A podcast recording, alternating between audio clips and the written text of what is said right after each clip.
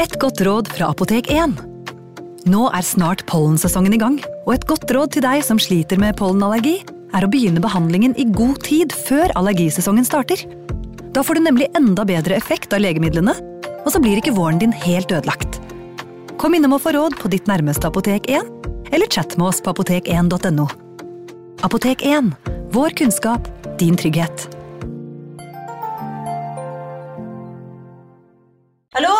Jeg kommer fra Oslo politikammer. Ine Jansen er purk. Er du purk? The motherfucking bitch. Alt jeg vil, er å finne ut hva som skjedde med mannen min. Jon Carew. Er jeg sikta for noe? Iben Akeli. Det er du. Ole So, Lars Berrum og Big Daddy Karsten. Hvem sin side er du på, egentlig? Anette Hoff, Tone Danielsen, Kommer du fra Afrika? Jørnis Josef, Nesten kløfta. Trond Espen Seim, Det er synd å si det, men det var feil mann som døde. Purk. Premiere tirsdag på TV2 Play. Ungsamtalen fra DNB er økonomisk veiledning tilpasset deg som er ung. Bokk en ungsamtale på dnb.no. slash ung. Det er kjempebra hvis du skal inn på boligmarkedet! Hvis det er drømmen din, liksom. Det er det du skulle sagt. Og så kunne du ropt litt mer, da, sånn som jeg gjorde. Bam! Advarsel. Historiene vi forteller i denne podkasten kan være fiktive og avvike fra den opprinnelige historien av dramaturgiske årsaker. Meninger og påstander i historiene reflekterer nødvendigvis ikke programledernes meninger eller virkeligheten.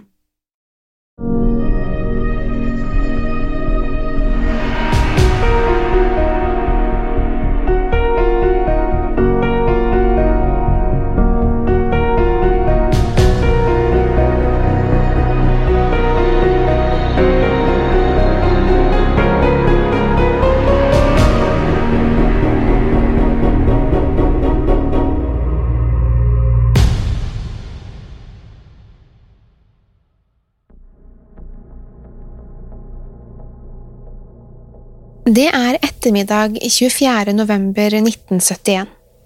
En ganske alminnelig amerikansk mann står i kø ved skranken på Northwest Orient Airlines i Portland, Oregon. Han er kledd i en enkel dress med svart slips og hvit skjorte. I hånden har han en stresskoffert. Ved første øyekast ser han helt normal ut. Han kjøper en enveisbillett på flight 305 til Seattle i Washington og betaler med kontanter. Han fremstår stille og tilbakeholden, og han tiltrekker seg lite oppmerksomhet. Han er tilsynelatende midt i 40-årene, og antrekket hans får han til å se ut som en slags forretningsmann. Han bestiller en drink om bord i flyet, bourbon og sodavann, mens han venter på at flyet skal ta av. Kort tid etter at flyet har lettet, mottar en av flyvertinnene en lapp fra denne mannen. På lappen står det følgende Jeg har en bombe, og jeg vil at du skal sette deg ned ved siden av meg. Dette er begynnelsen på en av de større, uløste mysteriene i FBIs historie. Vi er nå oppe i lufta, men flyet klatret fremdeles høyere. Om bord er det 36 andre passasjerer samt et mannskap på seks personer. Mannen som har identifisert seg som Dan Cooper, har plassert seg bakerst i flyet. Han har satt seg til rette i midtsetet på høyresiden av kabinen mens han nyter en drink og en sigarett. Den lamslåtte flyvertinnen blir stående et øyeblikk med lappen i hendene før hun setter seg lydig ned ved siden av ham. Cooper åpner kofferten langsomt og viser henne hva som er på innsiden. Det går kaldt nedover ryggen hennes. Florence ser rett på en masse ledninger koblet til åtte rødfargede dynamittkubber. Rolig lukker mannen kofferten og ber henne notere ned alt han nå skal si. Skremt, men fattet, følger hun ordren og skriver ned en liste med krav på en ny lapp. Cooper ber henne levere denne lappen til kapteinen på flyet. Deretter skal hun gi lappene tilbake til ham, og hun gjør som hun blir fortalt. Kapteinen tar med hevede øyenbryn imot lappen og leser. Jeg krever 200 000 dollar i kontanter, lagt i en sekk. Jeg vil ha to fallskjermer og to reservefallskjermer. Når vi lander, skal en tankbil stå klar til å fylle flyet med drivstoff. Ingen påfunn, ellers fullfører jeg jobben. En annen flyvertinne, Tina Mucklow, sitter nå ved Coopers side, mens kollegaen informerer kapteinen. Hun har en intercom-telefon og holder kontakten med resten av flymannskapet. Den neste halvannen timen flyr flight 305 i sirkel over Tacoma Airport i Seattle. Samtidig forsøker de lokale myndighetene å få tak i løsepengene og fallskjermene. 10 000 20-dollarsedler blir hentet ut fra en lokal bank, og fallskjermene blir levert av Seattle Skysports, en lokal fallskjermhoppskole. Klokken 17.45, to timer etter planen, får flyet endelig lande i Seattle. Det begynner å bli mørkt ute, og solen har gått ned. Flyet kjører til utkanten av flyplassen, hvor en personbil og en tankbil møter dem. Så fort motoren er skrudd av, går flyvertinne Tine Mucklow for å ta imot løsepengene og fallskjermene. I bytte mot dette lar Cooper alle de 36 passasjerene forlate flyet, i tillegg til to fra kabinpersonalet. Mange av passasjerene har ennå ikke fått vite at flyet har vært kapret. Cooper holder tilbake fire av personalet på flyet. Han beordrer Shaw Mucklow til å informere kapteinen om at han ønsker å sette kursen mot Mexico City. Han krever også at de skal fly med flyets hjul nede. Vingeflappene på 15 grader og under 10 000 fots høyde.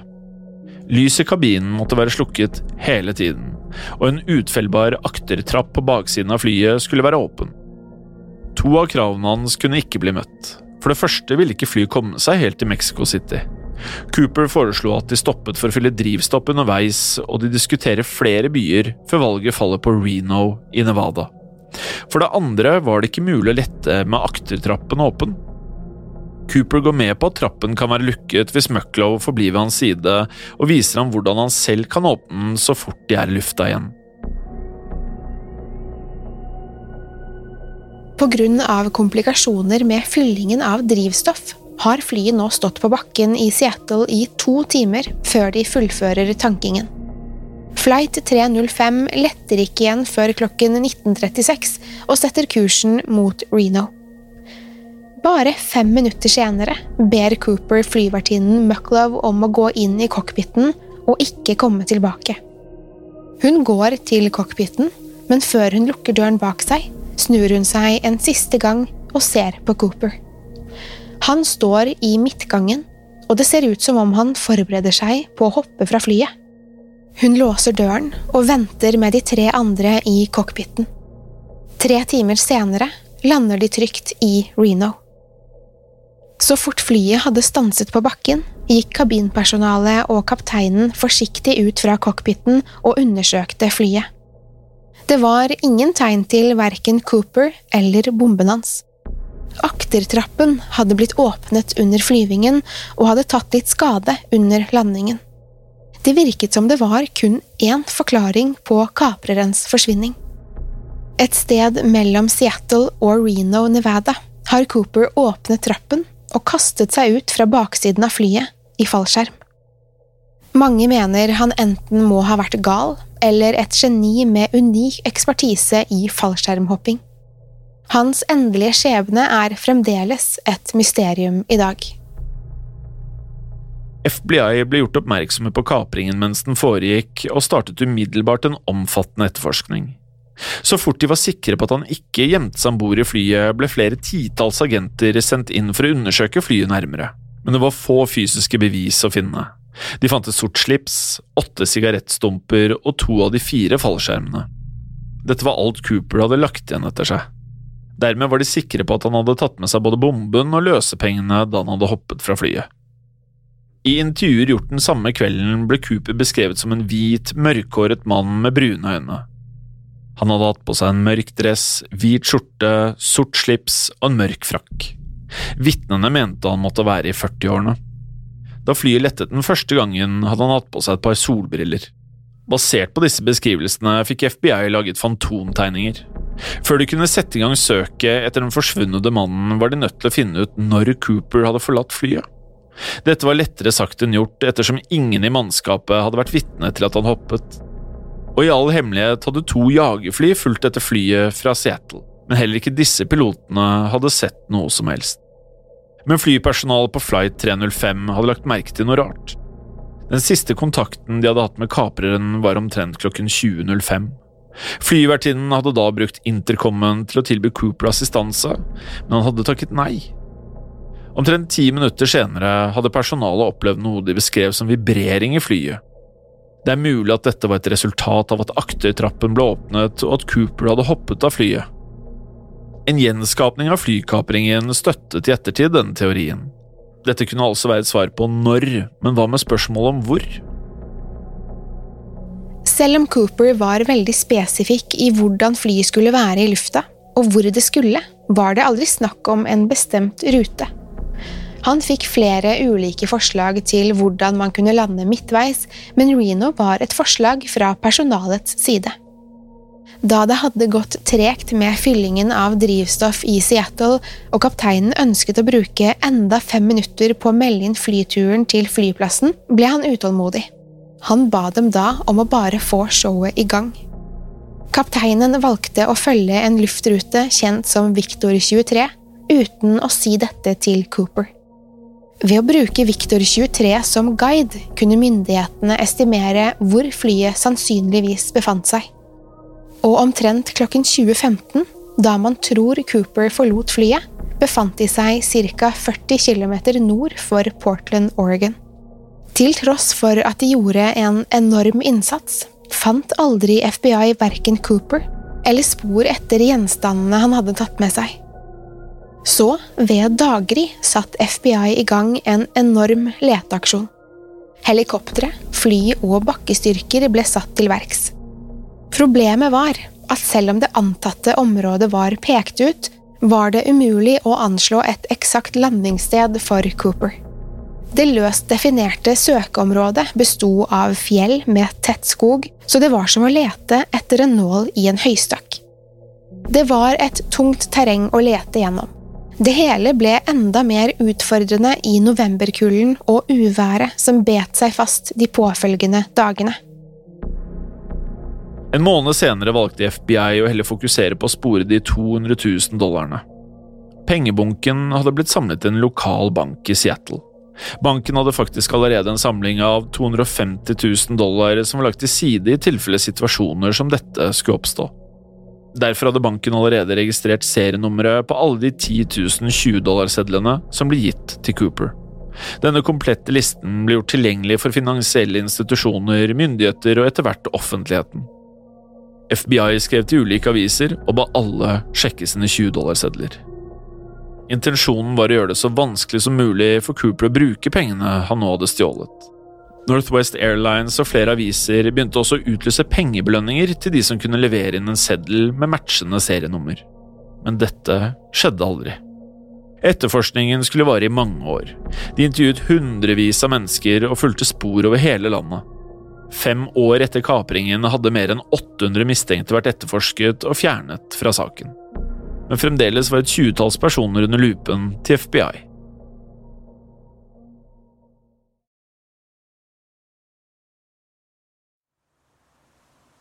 I 1980 var en åtte år gammel gutt ved navn Brian Ingram ute på tur med faren sin. De tente et leirbål ved stranden, sør i staten Washington. Mens faren holdt bålet i gang, lekte Brian i vannkanten. Plutselig kjente han noe merkelig under sanden. Han gravde det frem med hendene og fant tre bunker med 20-dollarsedler. Til sammen var det 5880 dollar. Han viste funnet til faren, som kjente til den berømte flykaprerhistorien. De leverte straks pengene til FBI. Det viste seg at sedlene hadde samme serienummeret som pengene DB Cooper fikk den dagen flykapringen skjedde. Det er det eneste tilfellet av at penger med matchende serienummer har blitt oppdaget.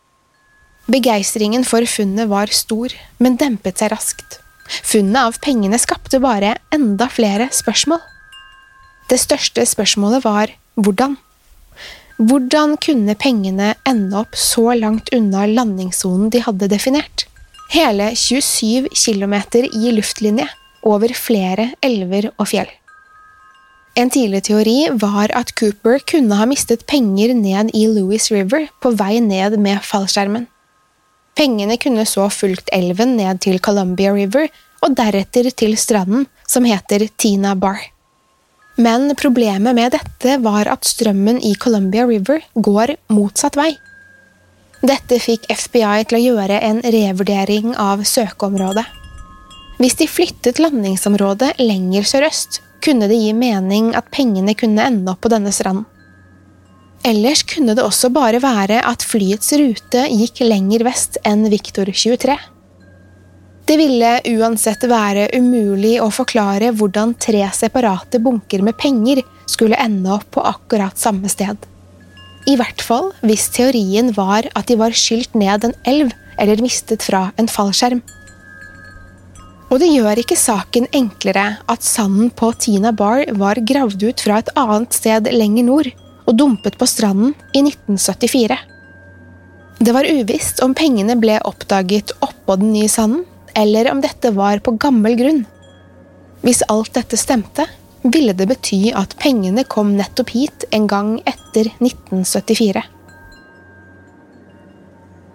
Da åtte år gamle Brian fant pengene, var gummistrikkene som holdt dem sammen, fremdeles intakte. Dette var en viktig oppdagelse. Eksperimenter som ble utført så sent som i 2009, viste at denne typen gummistrikk ikke tålte å bli utsatt for friluft eller vann. For dersom de ble eksponert for dette i mer enn et år, ville de begynne å smuldre opp. Derfor måtte noen ha gravd ned pengene på stranden i løpet av det siste året før pengene ble funnet. Den mest sannsynlige forklaringen virker å være at Cooper eller noen andre gravde ned pengene. Så spørsmålet er Overlevde Cooper og gravde ned pengene selv, eller var det noen andre som hadde snublet over dem og gravd dem ned på stranden? Hvis det finnes en forklaring som ikke har menneskelig påvirkning, har da naturen klart å lure etterforskerne i flere tiår? Dette er et eget mysterium i mysteriet. Etter Ingrams oppdagelse i 1980 ble det gjort en endeløs rekke søk i området rundt Taina Bar og hele dette nye, mulige landingsområdet. Heller ikke her hadde det blitt funnet noen nye bevis. Kanskje Cooper aldri overlevde det vågale hoppet fra flyet. Fallskjermen han fikk, var ikke mulig å styre, og klærne hans var dårlig egnet for en røff landing. Og hvordan kunne han selv vite hvor han landet, hvis han ikke engang var klar over hvilken rute piloten tok? Bakken var også skjult bak tykke skyer, så det må ha vært umulig å vite. Selv om det enda ikke finnes bevis for at han omkom i fallet, er det ganske sannsynlig at det var slik det endte for ham. Man tror han skal ha landet i et skogsområde om natten, noe som er svært farlig, selv for en erfaren og profesjonell fallskjermhopper. Hele operasjonen kan tyde på at Cooper ikke var en erfaren hopper. Og han hoppet også ut fra et fly i et fall på over 300 km i timen, rett inn i en regnstorm, 10 000 fot over bakken. Vinden var så kraftig at den hadde revet av en sikkerhetsplakett fra aktertrappen. Denne ble funnet i 1978, nesten rett under den estimerte flyveruten. Ifølge kabinpersonalet uttrykte han kjennskap til fallskjermer. Til tross for dette kan han umulig ha hatt en konkret plan om hvor han skulle lande. Det betyr også at det var umulig for han å bli plukket opp av noen på et bestemt sted. FBI tror at Cooper ba om en ekstra fallskjerm for å få dem til å tro at han skulle ta med seg et gissel i hoppet. De turte derfor ikke å sabotere for Cooper underveis, i frykt for at liv skulle gå tapt. I hastverk med å skaffe Cooper fallskjermene hadde myndighetene ved et uhell gitt han en ikke-fungerende fallskjerm. Denne fallskjermen var en testmodell ment for trening. Men det virket ikke som Cooper hadde merket dette, for denne var en av de to fallskjermene han tok med seg fra flyet. Den andre fallskjermen han brukte, var en eldre, militær fallskjerm. De to fallskjermene som lå igjen, var av nyere type, sammen med en reservefallskjerm. Dette kan tyde på at han hadde bakgrunn i militæret og kanskje var en trent fallskjermjeger. Mens flyet sirklet rundt flyplassen i Seattle, hadde han også foreslått en militær flyplass i nærheten som et alternativt landingssted. Det kan mistenkes at han kan ha hatt kjennskap til CIA. Den typen fly Cooper valgte å kapre, en Boeing 727, ble også brukt av CIA for å droppe agenter og ressurser fra fly under Vietnamkrigen. Flyet var unikt for sin aktertrapp på baksiden så han valgte trolig flyet pga. denne forholdsvis trygge rømningsveien. Da flyvertinnen Tina Mucklow spurte han om motivasjonen bak kapringen, hadde han svart. Jeg bærer ikke noe nag til flyselskapet ditt. Det er bare fordi jeg bærer nag. Cooper kom forberedt til kapringen. Han visste en hel del om flyet og flyving generelt. Han var også nøye med å ikke etterlate seg beviser, som for eksempel de håndskrevne lappene. Men selv om den første delen av oppdraget hans virket svært godt gjennomtenkt, virker alt fra og med hoppet utrolig dårlig planlagt. Tross alt dette kom det aldri noen meldinger om savnede personer i ettertiden som kunne matche Coopers person, og dette veier for at han overlevde. Det hele inspirerte også andre flykaprere til å gjøre lignende stunt, og mange av dem overlevde. Dog ble de også raskt funnet igjen på bakken og tatt for sine gjerninger. Da pressen tok fatt i den spennende historien, hadde FBI allerede begynt å etterforske flere mistenkte personer. Blant dem var en mann i Portland med Cooper til etternavn og initialene DB i fornavnet. Denne mannen ble raskt fjernet fra listen til FBI, men pga. feilskriving i pressen ble navnet Dan byttet ut med DB. Etter dette forble DB Cooper pressens navn på den ettersøkte mannen. Uansett var Dan Cooper mest sannsynlig et pseudonym. Kanskje var det hentet fra en fransk tegneserie med samme navn som handler om en canadisk pilot. Denne ble ikke solgt i USA før i 1971, men var tilgjengelig i Canada på dette tidspunktet. Og I tillegg skal Cooper ha presisert at han ønsket amerikansk valuta på pengene, noe som ville vært litt uvanlig for en amerikaner å si. Man tror derfor at Cooper kan ha vært en canadier. Snart et halvt århundre etter flykapringen fant sted, har tusenvis av mistenkte blitt avhørt og etterforsket. En person fra listen, Richard Floyd McCoy, er fremdeles en favorittmistenkt blant mange. FBI sporet opp og arresterte McCoy for en svært lignende flykapring og flukt med fallskjerm mindre enn fem måneder etter Coopers flytur. Det kunne virke som det var samme person. Men McCoy ble senere utelukket fordi han ikke stemte overens med de nesten identiske fysiske beskrivelsene av Cooper som ble gitt av flyvertinnene og flere vitner. Han lyktes i flukten, langt bedre forberedt på hoppet enn Cooper, men ble senere dømt til 45 år i fengsel. Helt fram til sin død i 1974 nektet han å bekrefte eller avkrefte om han var DB Cooper. Robert W. Rackstraw ble mistenkt i saken så sent som i 1978.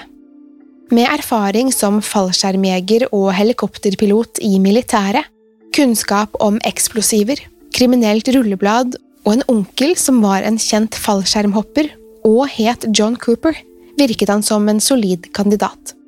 Bare noen måneder før kapringen skjedde, hadde han blitt utvist fra militæret. Da journalister spurte om han var DB Cooper, svarte han ting som det kunne jeg ha vært, eller jeg vil ikke sett bort ifra det. Men trolig nøt han bare oppmerksomheten. Han hadde også blå øyne og var bare 28 år gammel da flykapringen skjedde. Kenneth Christiansen ble etterforsket i 2003. Etterforskningen startet etter at broren hadde oppdaget flere likheter mellom han og Cooper. Christiansen hadde vært fallskjermjeger under andre verdenskrig. Han hadde jobbet for Northwest Airlines i 1953 som mekaniker og flyvert, og var 45 år gammel i 1971. I tillegg var han venstrehendt, noe etterforskerne var ganske sikre på at Cooper også var. Da Christiansen døde i 1994, hadde familien oppdaget over 200 000 dollar i en av hans bankkontoer. Han skal også ha hvisket til sin bror før sin død at han ville fortelle ham noe viktig, men at han ikke turte å si det. Og flyvertinnen Florence Schaffner mente bildet av Christiansen fra 70-årene lignet den mannen hun hadde møtt på flyet. Samtidig var det flere detaljer som ikke matchet, og det var heller ingenting mistenkelig rundt summen med penger Christiansen hadde i banken. William Smiths navn dukket opp så sent som i 2018. Han var 43 år i 1971 og hadde bakgrunn fra militæret.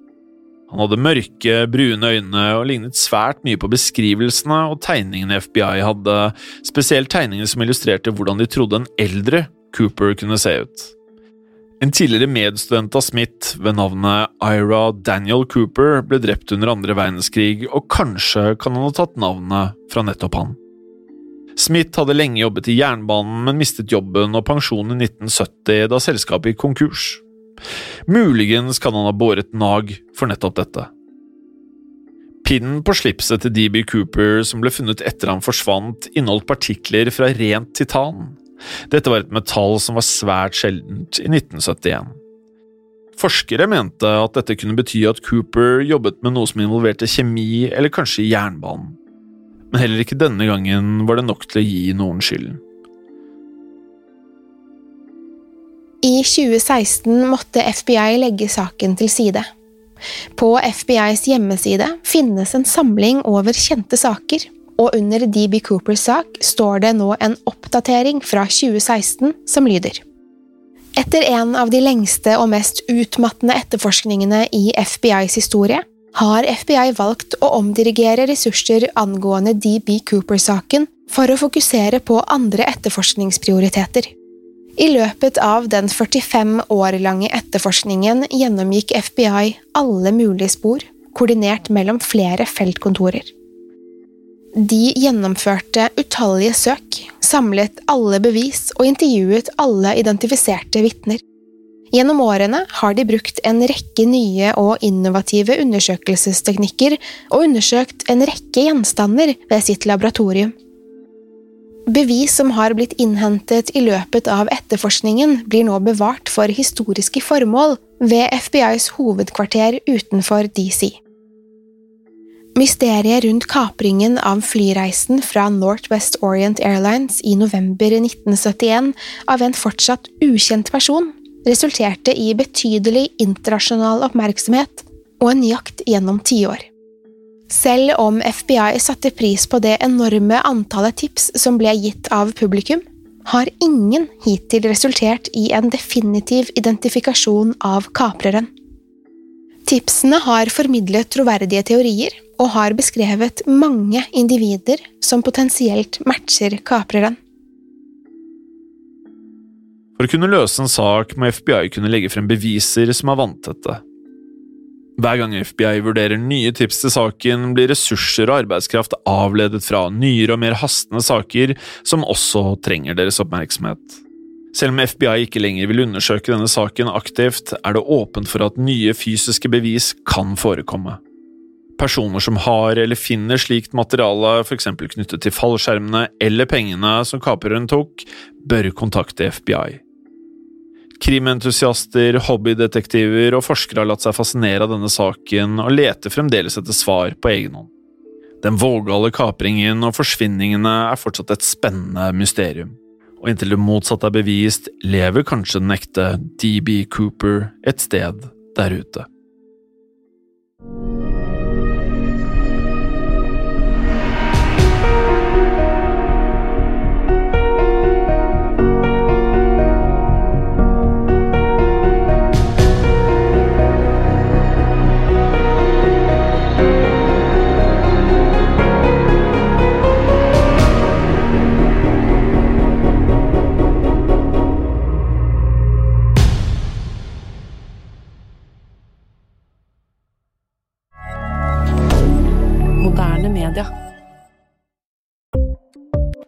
Ukens annonsør er Folio, en smartere banktjeneste for deg som har en egen bedrift eller ønsker å starte for deg selv.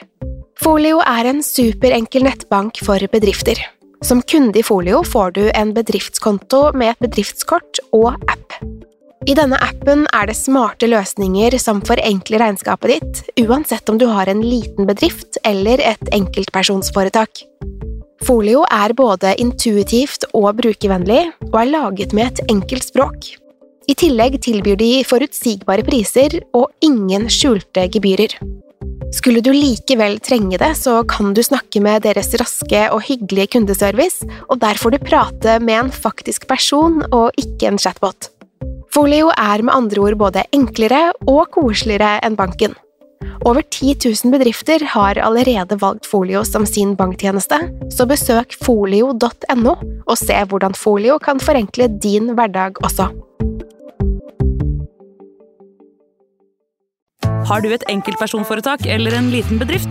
Da er du sikkert lei av å høre meg snakke om hvor enkelt det er med kvitteringer og bilag i fiken, så vi eh, gir oss her, vi. Fordi vi liker enkelt. Fiken superenkelt regnskap. Kiwi er billigst i VGs matbørs og har vært billigst i fire av de fem siste VGs matbørser. Og nå presser vi prisene på frukt og grønnsaker. På 200 gram broccolini setter vi prisen til 24,90. På 400 gram Cevita blåbær setter vi prisen til 49,90. Og husk, alle Kiwi Pluss-kunder får i tillegg 15% trumfbonus på all fersk frukt og grønt. For det er vi som er prispresserne. Og vi i Kiwi gir oss aldri på pris.